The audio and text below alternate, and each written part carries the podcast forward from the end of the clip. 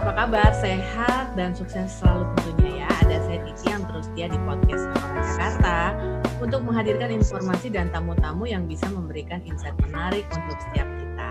Nah, Jakarta, kalau begitu langsung aja ya. Kita ke tamu kita di hari ini. Ada Mas Mongol. Hai. Halo. Halo. Wah. Aduh, Waduh. Udah gimana? apa Studio kabar? sehat? sehat. Oke. kita. Mas Mongol sehat nggak? Alhamdulillah sehat. Alhamdulillah ya, Mas Mongol ini ya. Bener-bener Jakarta tuh pasti udah kangen banget lah sama Mas Roni Immanuel. Jadi terkenalnya dengan Mas Mongol stres. Mas Betul. stres, Mas? Udah agak sembuh, cuman Oh. suka kambuh. Ya, Mas Mongol ini adalah seorang pelawak tunggal berkebangsaan Indonesia yang dikenal banget sebagai pelawak stand up comedy show gitu ya. Mas Mongol, mau nanya-nanya nih Mas. Ya. Boleh ya? Boleh. Mhm. Nah, di masa pandemi COVID-19 ini Mas, apakah sangat berpengaruh bagi job seorang stand up comedy atau mungkin malah banyak tawaran online? Gimana Mas? Justru sebenarnya dengan adanya pandemi COVID-19 ini, job justru nggak ada. Semua pekerjaan dibatalkan dua hari setelah Hmm. penetapan eh, COVID di seluruh Indonesia mulai berke- mulai ada. Jadi Mongol untuk bulan Mei benar-benar nggak ada job, bulan sebelumnya April juga nggak ada job, semua mati. Job-jobnya dibatalin, apalagi yang ada beberapa job besar batal semuanya. Jadi eh, syuting film juga batal, eh, Mhm. tayang film perdana untuk gala premier film juga batal, semuanya batal. Oke oke oke oke. Gimana mas? Jadi pokoknya dengan adanya COVID ini, Mm-mm. eh, kebetulan juga kan ada himbauan pemerintah, nggak boleh ada per- mengumpulkan orang banyak. Betul. Jadi otomatis eh, kita mengikuti anjuran dan Mongol choice-nya adalah memilih ke Manado dibandingkan di Jakarta. Jadi Mongol sekarang udah dua bulan lebih di Manado, dua bulan empat hari. Oh di Manado. Wow Nah, jadi aku jauh. ngikutin eh. proses Heeh. proses apa namanya eh, PSSB. diisolasi. Iya iya. Yoi, jadi ngikutin semua apa yang dianjurkan pemerintah. Jadi karena buat Mongol anjuran pemerintah juga itu baik buat kita gitu. Jadi otomatis job semua tutup dan mudah-mudahan ya dalam bulan-bulan ke depan udah mulai redah COVID-nya. Nah, Mas Mongol ini sangat dikenal sebagai stand up comedy yang sangat banget menguasai materi sehingga berani mengolah masalah agama, suku gitu ya Mas ya. Eh, gimana nih persiapan Mas Mongol untuk melakukan hal tersebut bisa dibagi nggak nih Mas? Sebenarnya kalau setiap kali perform Mhm, eh, persiapannya hanya kita cari tahu yang undang kita siapa. mhm, Makanya kita diundang oleh acara eh, corporate gitu, gathering atau apa. Kita harus menguasai siapa pengundang, bukan siapa IO-nya. Jadi perusahaan apa yang mengundang kita, terus nanti kita cari tahu bosnya agamanya apa dan eh, apa yang dari pihak sananya jangan disampaikan gitu. Kita pelajari gitu. Jadi kita pelajari dan di saat kita tampil kita perform, Mhm. ya kita sebaik, sebisa mungkin menguasai panggung. Mhm. Udah materi yang kita bawa ini yang penting selama materi tersebut tidak berpolemik, nggak ada masalah. Hmm, hmm, hmm, hmm. Jadi kalaupun masalah agama, Mongol bawa mata- masalah agama selalu agamanya Mongol gitu, agama Kristen. Saya selalu bawa sukunya suku Mongol Manado. Saya nggak pernah bawa materi Iya iya iya iya iya. orang Jawa. Saya tidak pernah bawa materi tentang orang Padang karena saya bukan orang situ. Tapi kalau soal orang Manado, wow, saya juaranya gitu. Oh, Oke oke oke. Saya jagonya ya Mas Mongol ya. Iya, dan yang paling penting ya kalau bisa jangan berpolemik setiap kali kita performer. Saya pernah dulu bermasalah di saat saya stand up, Mhm. tapi lebih masalah ke ke omong jorok di Grand Mhm. Indonesia. Jadi saya Mhm, tampil di mall di GI, mhm, waktu itu ulang tahun sebuah perusahaan besar. Mhm. dan mereka eh, nyewa apa namanya nyewa atriumnya GI dan Mongol stand up. Saya headliner yang paling terakhir. Dulu kan Lata. Mhm. Mongol dulu Lata dan di saat lagi stand up dikagetin. Kesebutlah jorok itu. Langsung lah no- Mongol ada tambahan stres. Jadi dulu namanya cuman Mongol. Jadi gara-gara kejadian di GI itu jadi Mongol stres. Stres. Ah, jadi ah, itu ah, asal muasalnya gitu. Hmm, hmm, hmm.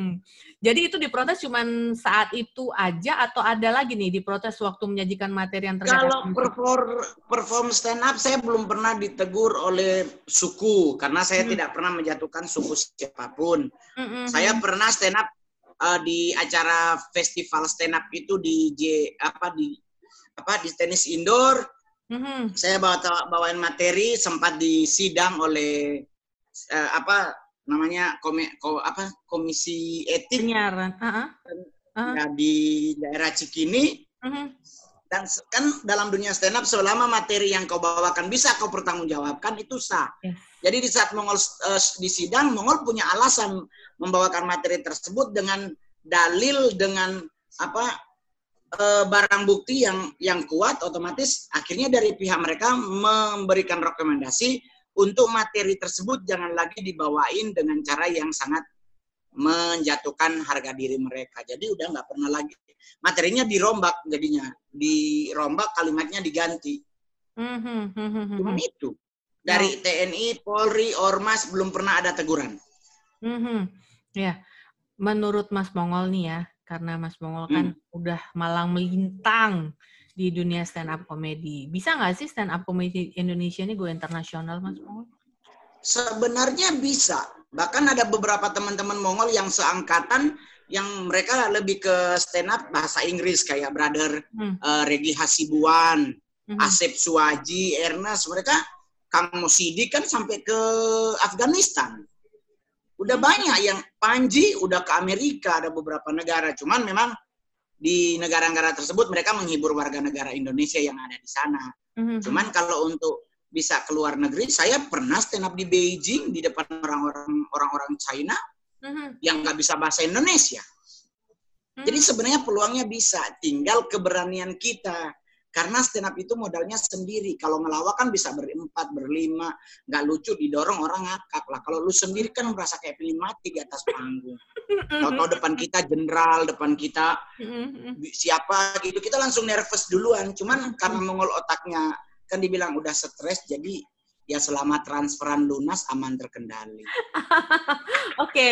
kenapa nih Mas Mongol mau jadi stand up comedy dan sepertinya karena bertahun-tahun profesi Mas Mongol kita tahu semua sebagai stand up comedy, Mas Mas Mongol sepertinya menikmati menjadi stand up comedy. Sudah sembilan tahun kurang lebih. Oh. Saya angkatan pertama dari sebuah stasiun TV. Hmm. Saya masuk dunia stand up juga tidak tidak bercita-cita jadi seorang stand up hmm Cuman di saat saya diajak syuting hari pertama di sebuah stasiun TV mm-hmm. dan ternyata saya waktu itu booming, mm-hmm. saya pelajari dan dalam dunia stand up itu lebih ke kalau seandainya ada senior atau tidak senior juga sebenarnya nggak kelihatan banget karena mm. kita kalau ketemu juga jarang.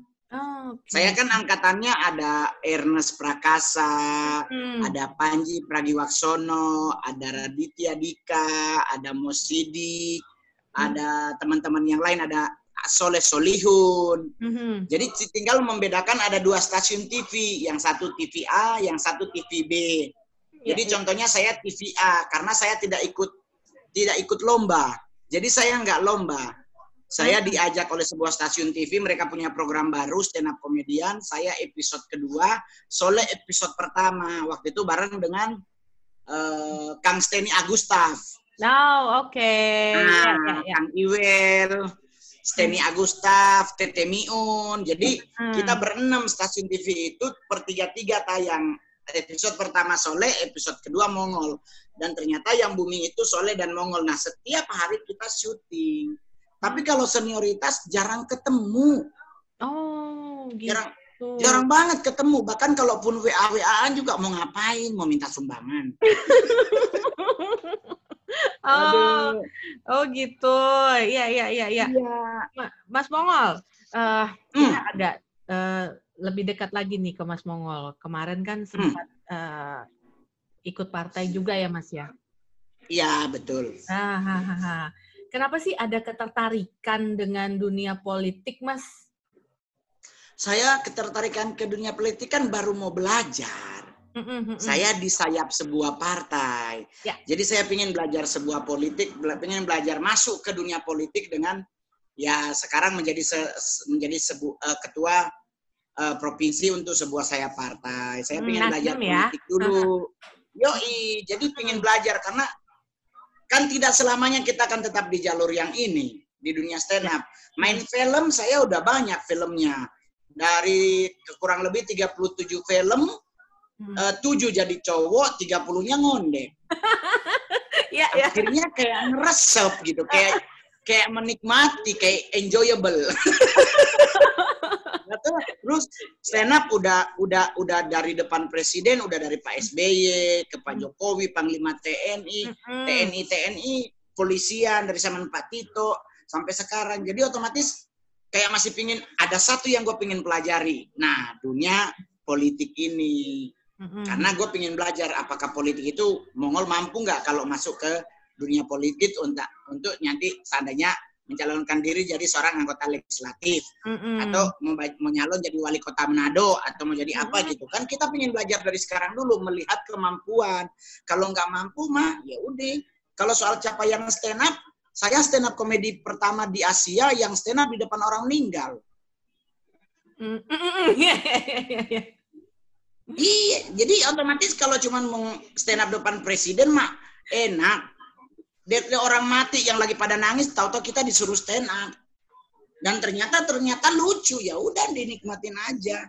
Jadi pengen belajar dulu, bergabung dengan sebuah partai. Hmm. Saya jadi ketua provinsi, diberi mm. target untuk meloloskan empat anggota legislatif dari uh, apa dari saya partainya dari saya partai hmm. saya berhasil menggolkan 16 orang jadi anggota legislatif. Wow, oke oke oke oke oke. Jadi pro, uh, kalau provinsi eh, kalau nasional kan ada Hillary Brigita Lasut.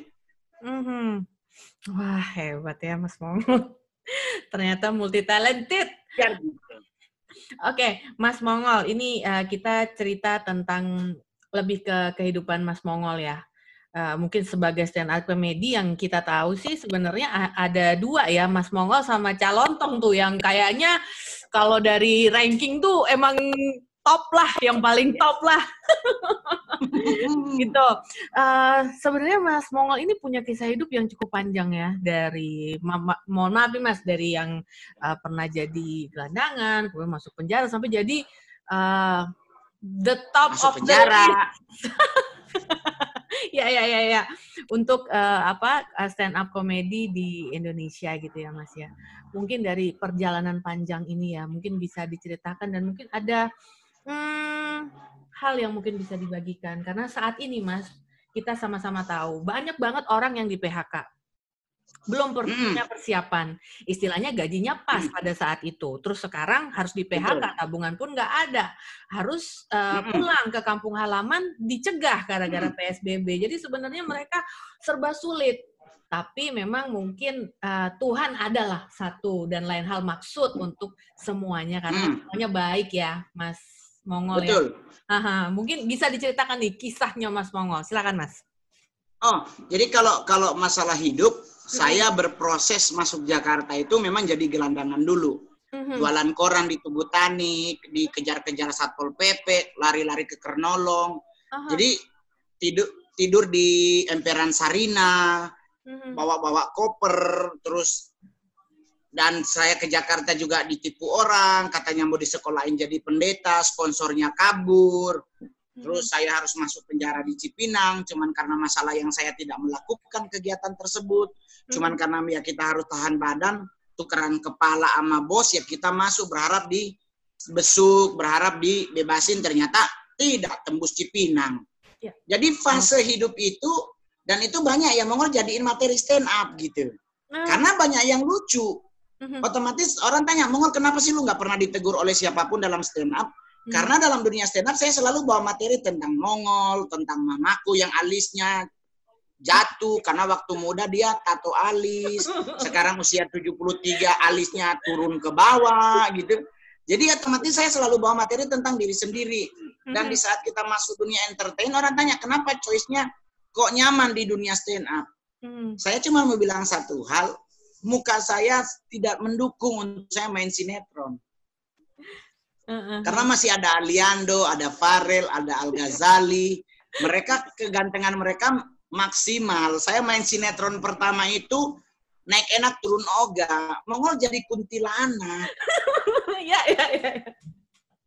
Jadi gua nangkring di pohon gak ada dialog, cuman cekikikan doang. Hihihi, cuman segitu. Sinetron yang paling lama saya main sampai bisa beli mobil sport Mm-hmm. Itu Maija pengen ke Mekah, saya karakternya nggak ada dialog, hanya gendong babi.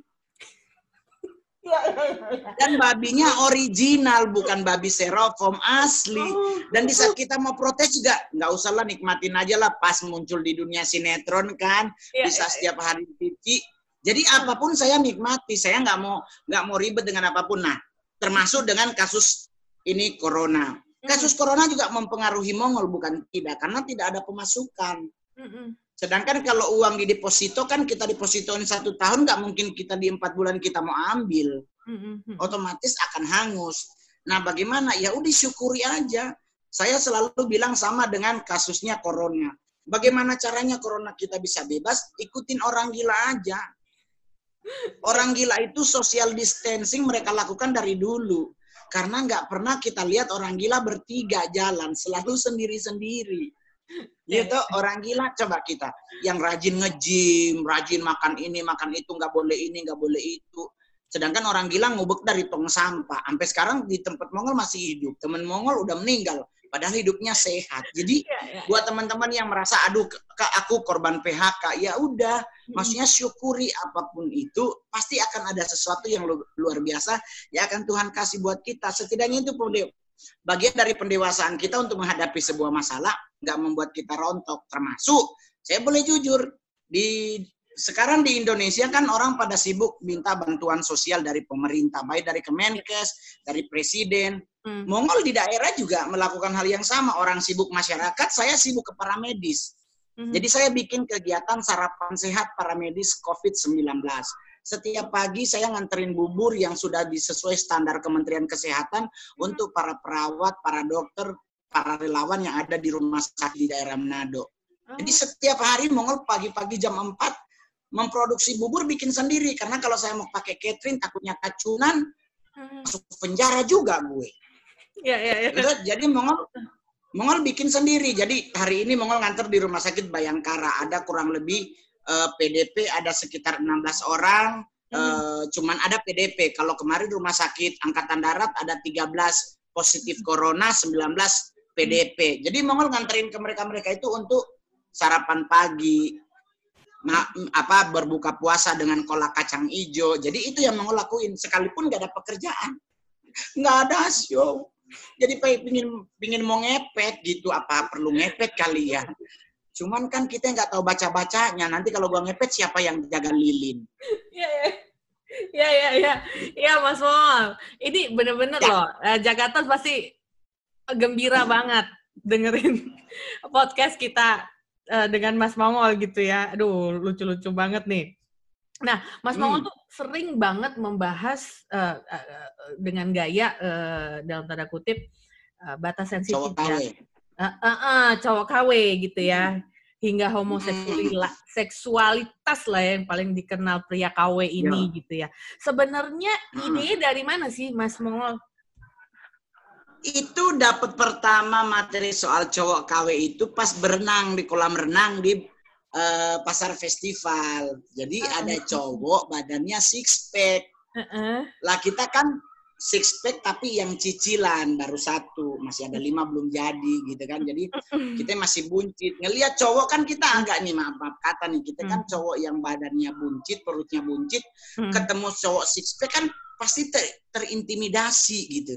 Jadi kita kalau ketemu cowok six pack langsung kayak tahan napas biar kelihatan perutnya bu uh, tipis. Nah waktu itu dia berenang, kita kan terpesona, ih gila gaya dad, gaya kupunya cakep.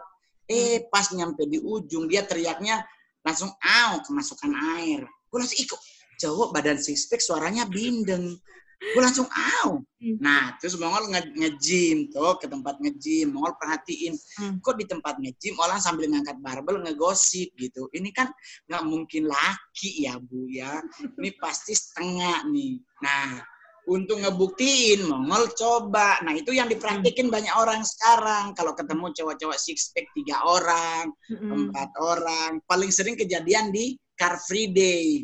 Oh. Orang-orang yang larinya kayaknya gimana gitu, laki banget gitu, teriakin, Cin, nengok semuanya. Nah sedangkan cowok normal panggilannya nyet, bukan Cin. Oh. Iya dong. Terus kenapa panggilannya eh, Cin? Karena lagunya Rumors. Namaku cinta ketika kita bersama. Masa laki namanya cinta? laki kan Hendra, Herman, Andrew, Kevin. Masa cinta? Jadi kalau mau buktiin di kantor ada yang begituan, coba deh panggil Cin. Kalau dia nengok, berarti selamat ya. Aye, dicurigai nih. Mas Bangol. Cuman nggak boleh di, di estetika stand up nggak boleh ngomong bencong, nggak boleh ngomong homo karena itu masuk ranah rasis. Ah, oke. Ah, Jadi ganti dengan KW. KW. Ya, nih Iya. Mas dari uh, Mursala, Operation Wedding, Finding Sri Mulat, Hmm. Jakarta 48, Warisan Olga, Lamaran, Commit 8 yang terkenal itu. Kemudian Hmm, yang yang horor-horor juga ada juga Mas Mau. Ada. Ya. itu ngondek juga sekalipun horor. Oke. Iya ya. Dari begitu banyak eh, apa namanya itu eh, film juga sinetron ada ABG jadi manten, kemudian Emak Ija pergi ke Mekah kayak tadi yang Mas Mongol ceritakan gitu ya. Itu eh, kita sempat kulik eh, di YouTube ya. Mas Mongol ini ternyata dulu tuh punya eh, posisi fasilitas dan kemewahan dari eh, apa? Satanic Church. Oh, oh, oh. Ah, ah, singkat aja nih Mas Mongol. Ya, itu kan bagian dari proses hidup. Mm-mm. Untuk mencapai kita menjadi pribadi yang bagus, otomatis kita harus melewati fase. Jadi Mhm. waktu muda saya tidak, saya boleh jujur saya anak yatim piatu dari usia 4 tahun. Mhm. Saya mama saya meninggal saya masih kecil. Mhm. Saya nggak kenal orang tua papa. Jadi di saat kita eh, hidup dengan didikan orang tua, ketemu beberapa orang aja kita join us together Mhm. dan kita nggak pernah berpikir itu komunitas apa. Yang penting is everything under control, Aha. have a sex bebas, and then everything yang yang ya mungkin salah tapi di situ dianggap benar ya Hmm. Mongol join with bersama mereka gitu. Mhm. Mhm. Di saat kita menyadari itu sebuah kesalahan ya kita move from there. Saya Mhm. keluar dari situ dan saya mulai mengambil keputusan untuk merubah. Dan banyak hal yang harus saya rubah pelan-pelan, pelan-pelan. Tapi bukan berarti sekarang udah suci, udah itu enggak. Saya masih masih me- me- me- me- me- merevisi banyak hal dalam hidup untuk mulai berubah karena Mhm. keseringan main film bencong akhirnya jadi ngondek akhirnya kayak ke bawah ke bawah gitu kadang suka berdiri ngondek gitu akhirnya orang mikir kayaknya Mongol hemong deh padahal saya punya putri satu Oke, satu. Ya, ya, ya, ya. usia 13 tahun sekolah lagi cuman sekarang sekolahnya udah lebih lebih kaya lagi sekolah pakai Skype Skype. Ya, ya, ya. Amat ya jadi kalau sekolah internasional kalau Hmm. sekolah nasional kan nonton TVRI Iya. kalau sekolah internasional Skype Skypean kan pulsanya banyak. Tapi ya itu fase yang luar biasa yang setidaknya membuat Mongol untuk tahu bahwa tidak semua hal dalam hidup kita harus sesuai dengan apa yang kita mau. Pasti ada saatnya kita harus melewati fase yang Tuhan izinkan kita lewati, tetapi tetap Tuhan tidak akan ninggalin kita. Jadi aman. Semuanya baik Ih. lah ya, Mas Mongol ya. Yoi. Karena pendewasaan harus melewati masalah. Iya, iya, iya, iya. Nah, masalah yang paling besar saat stand up comedy ini, eh, mungkin dari backstage ataupun dari pada saat on stage gitu, apa nih masalah yang Masalah yang paling merasa- besar kalau kita stand up itu adalah audiensnya. Kalau backstage-nya ada nggak nggak nggak terlalu ngaruh, yang penting mic-nya nyala, eh, itu pasti bisa. Tapi Ya, yang paling berbahaya itu kalau penontonnya, Aha. apalagi kalau kita tampil di acara militer gitu, Mhm. di Mabes TNI atau di acara kepolisian. Kalau ada seseorang yang pangkatnya lebih tinggi, seandainya ada kepala staf angkatan laut gitu, Mhm. terus kita harus menghibur mereka dan kepala staf angkatan lautnya tidak tertawa, nggak mungkin yang lain ketawa. Otomatis hierarkinya berlangsung. Aha. Ya otomatis orang nanya, terus kenapa lu bisa diundang terus sama angkatan laut, angkatan darat, angkatan udara, hmm. kenapa uh, kepolisian kenapa bisa diundang? Karena kalaupun bapaknya nggak ketawa, saya akan rubah materinya bikin ibunya yang ketawa. Oke, okay, okay. ibu, ibu, contohnya kayak ibu Kapolri, ibu hmm. Kasal, dan sampai hari ini sih, alhamdulillah mereka semuanya terhibur dalam setiap kali mengol stand up dan belum ada masalah sih alhamdulillah sampai hari ini saya juga nggak terlibat narkoba nggak hmm. terlibat seks bebas karena ada anak putri otomatis kita mikir hidupnya cuman dengan adanya corona ini sebenarnya banyak hal yang agak membuat kita berat apalagi di Jakarta kan sekarang 45 tahun udah boleh bekerja lah kalau di daerah mau kan belum di Manado mau pulang ke Jakarta juga isolasi dulu mm -hmm. Jadi nikmatin aja lah di sini. Cuman di Manado nggak bisa ngepet. nggak ada yang jagain lilin ya, Bu? Jadi. Kalau gue main jai langkung, siapa yang menggang? Iya, iya, iya. Mas Mongol, terima kasih banyak ya atas waktunya. Semoga nanti uh, eh, PSBB segera dibuka dari Jabodetabek sehingga Mas Mongol bisa balik lagi ke Jakarta menghibur seluruh Siap. masyarakat Indonesia dengan Oh, belum, belum. Mongol rencana kalau udah selesai ah. ini Covid tidak balik Jakarta, uh -huh. tetapi saya akan menghibur para medis yang ada di Kota Manado, dikumpulkan semua mereka dokter, perawat dan Mongol akan stand up menghibur mereka setelah selesai dari Wah. pandemi Covid. Wah, wah, luar biasa sekali. Sudah, semua rumah sakit sudah setuju. Uh-uh. Jadi kalau pemerintah menetapkan hari Rabu, hari Jumatnya Mongol harus stand up di depan semua para medis dan relawan yang ngurusin COVID di Sulawesi Utara. Gratis. Oh, oh, oh, oh, oh. Nih ya Jakarta sih untuk info aja Mas Mongol mah 40 menit dibayar 70 juta. Tapi kalau untuk teman-teman teman-teman para medis, teman-teman media di Jakarta ngumpul, untuk menghibur mereka, saya siap tanpa harus dibayar. Oke, kita catat ya. Mas Mongo. ya, terima kasih ya. Iya, terima apalagi? kasih. Apalagi, apalagi? Oh iya, lagi, lagi, lagi. Oh iya, satu, satu, satu, terakhir.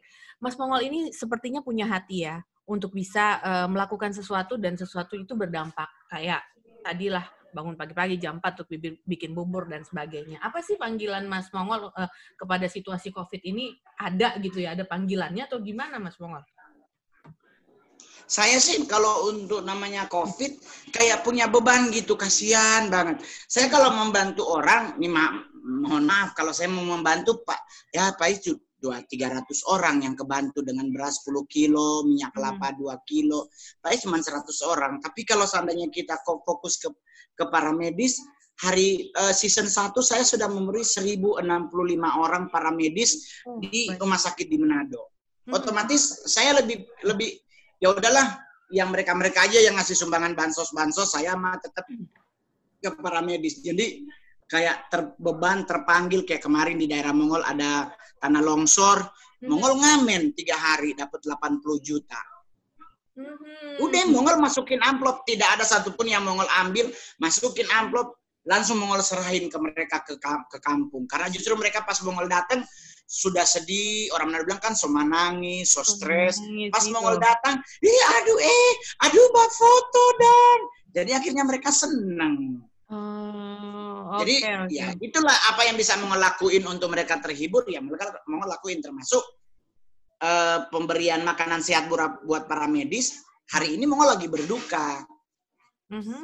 Mertua kakaknya Mongol meninggal pas depanan rumah. Jadi, mm. tapi ya udah, kita kan nggak harus stres juga, gitu. Jadi santai-santai aja. Ya, Duka tidak menghalangi ya. kita untuk berkarya. Mm-hmm, mm-hmm, iya, iya, iya. iya. Sama toh, cantik juga tidak terhalangi oleh corona tuh tetap kerja Iya sama ya, iya iya betul betul. Iya. So, oh. tetaplah berkarya. Ya. Oke, terima kasih Mas Mongol atas waktunya. Sama-sama. Sampai ketemu lagi ya di Jakarta. Boleh, siap. Ya, sama-sama. Dadah. Iya. Oke, demikian interview kita hari ini bersama Mas Mongol. Semoga Jakarta bisa mendapatkan insight yang berbeda ya dari interview kita tadi. Terima kasih juga untuk Mas Mongol ia sudah memberikan kita insight yang luar biasa dari cerita-cerita beliau. Semoga nanti kita bisa dihibur lagi setelah masa uh, karantina atau PSSB ini selesai ya. Saya Titi undur diri, tetap sehat, tetap semangat. Bye. Jangan lupa follow podcast Koran Jakarta untuk mendengarkan diskusi dengan tema yang tentunya menarik.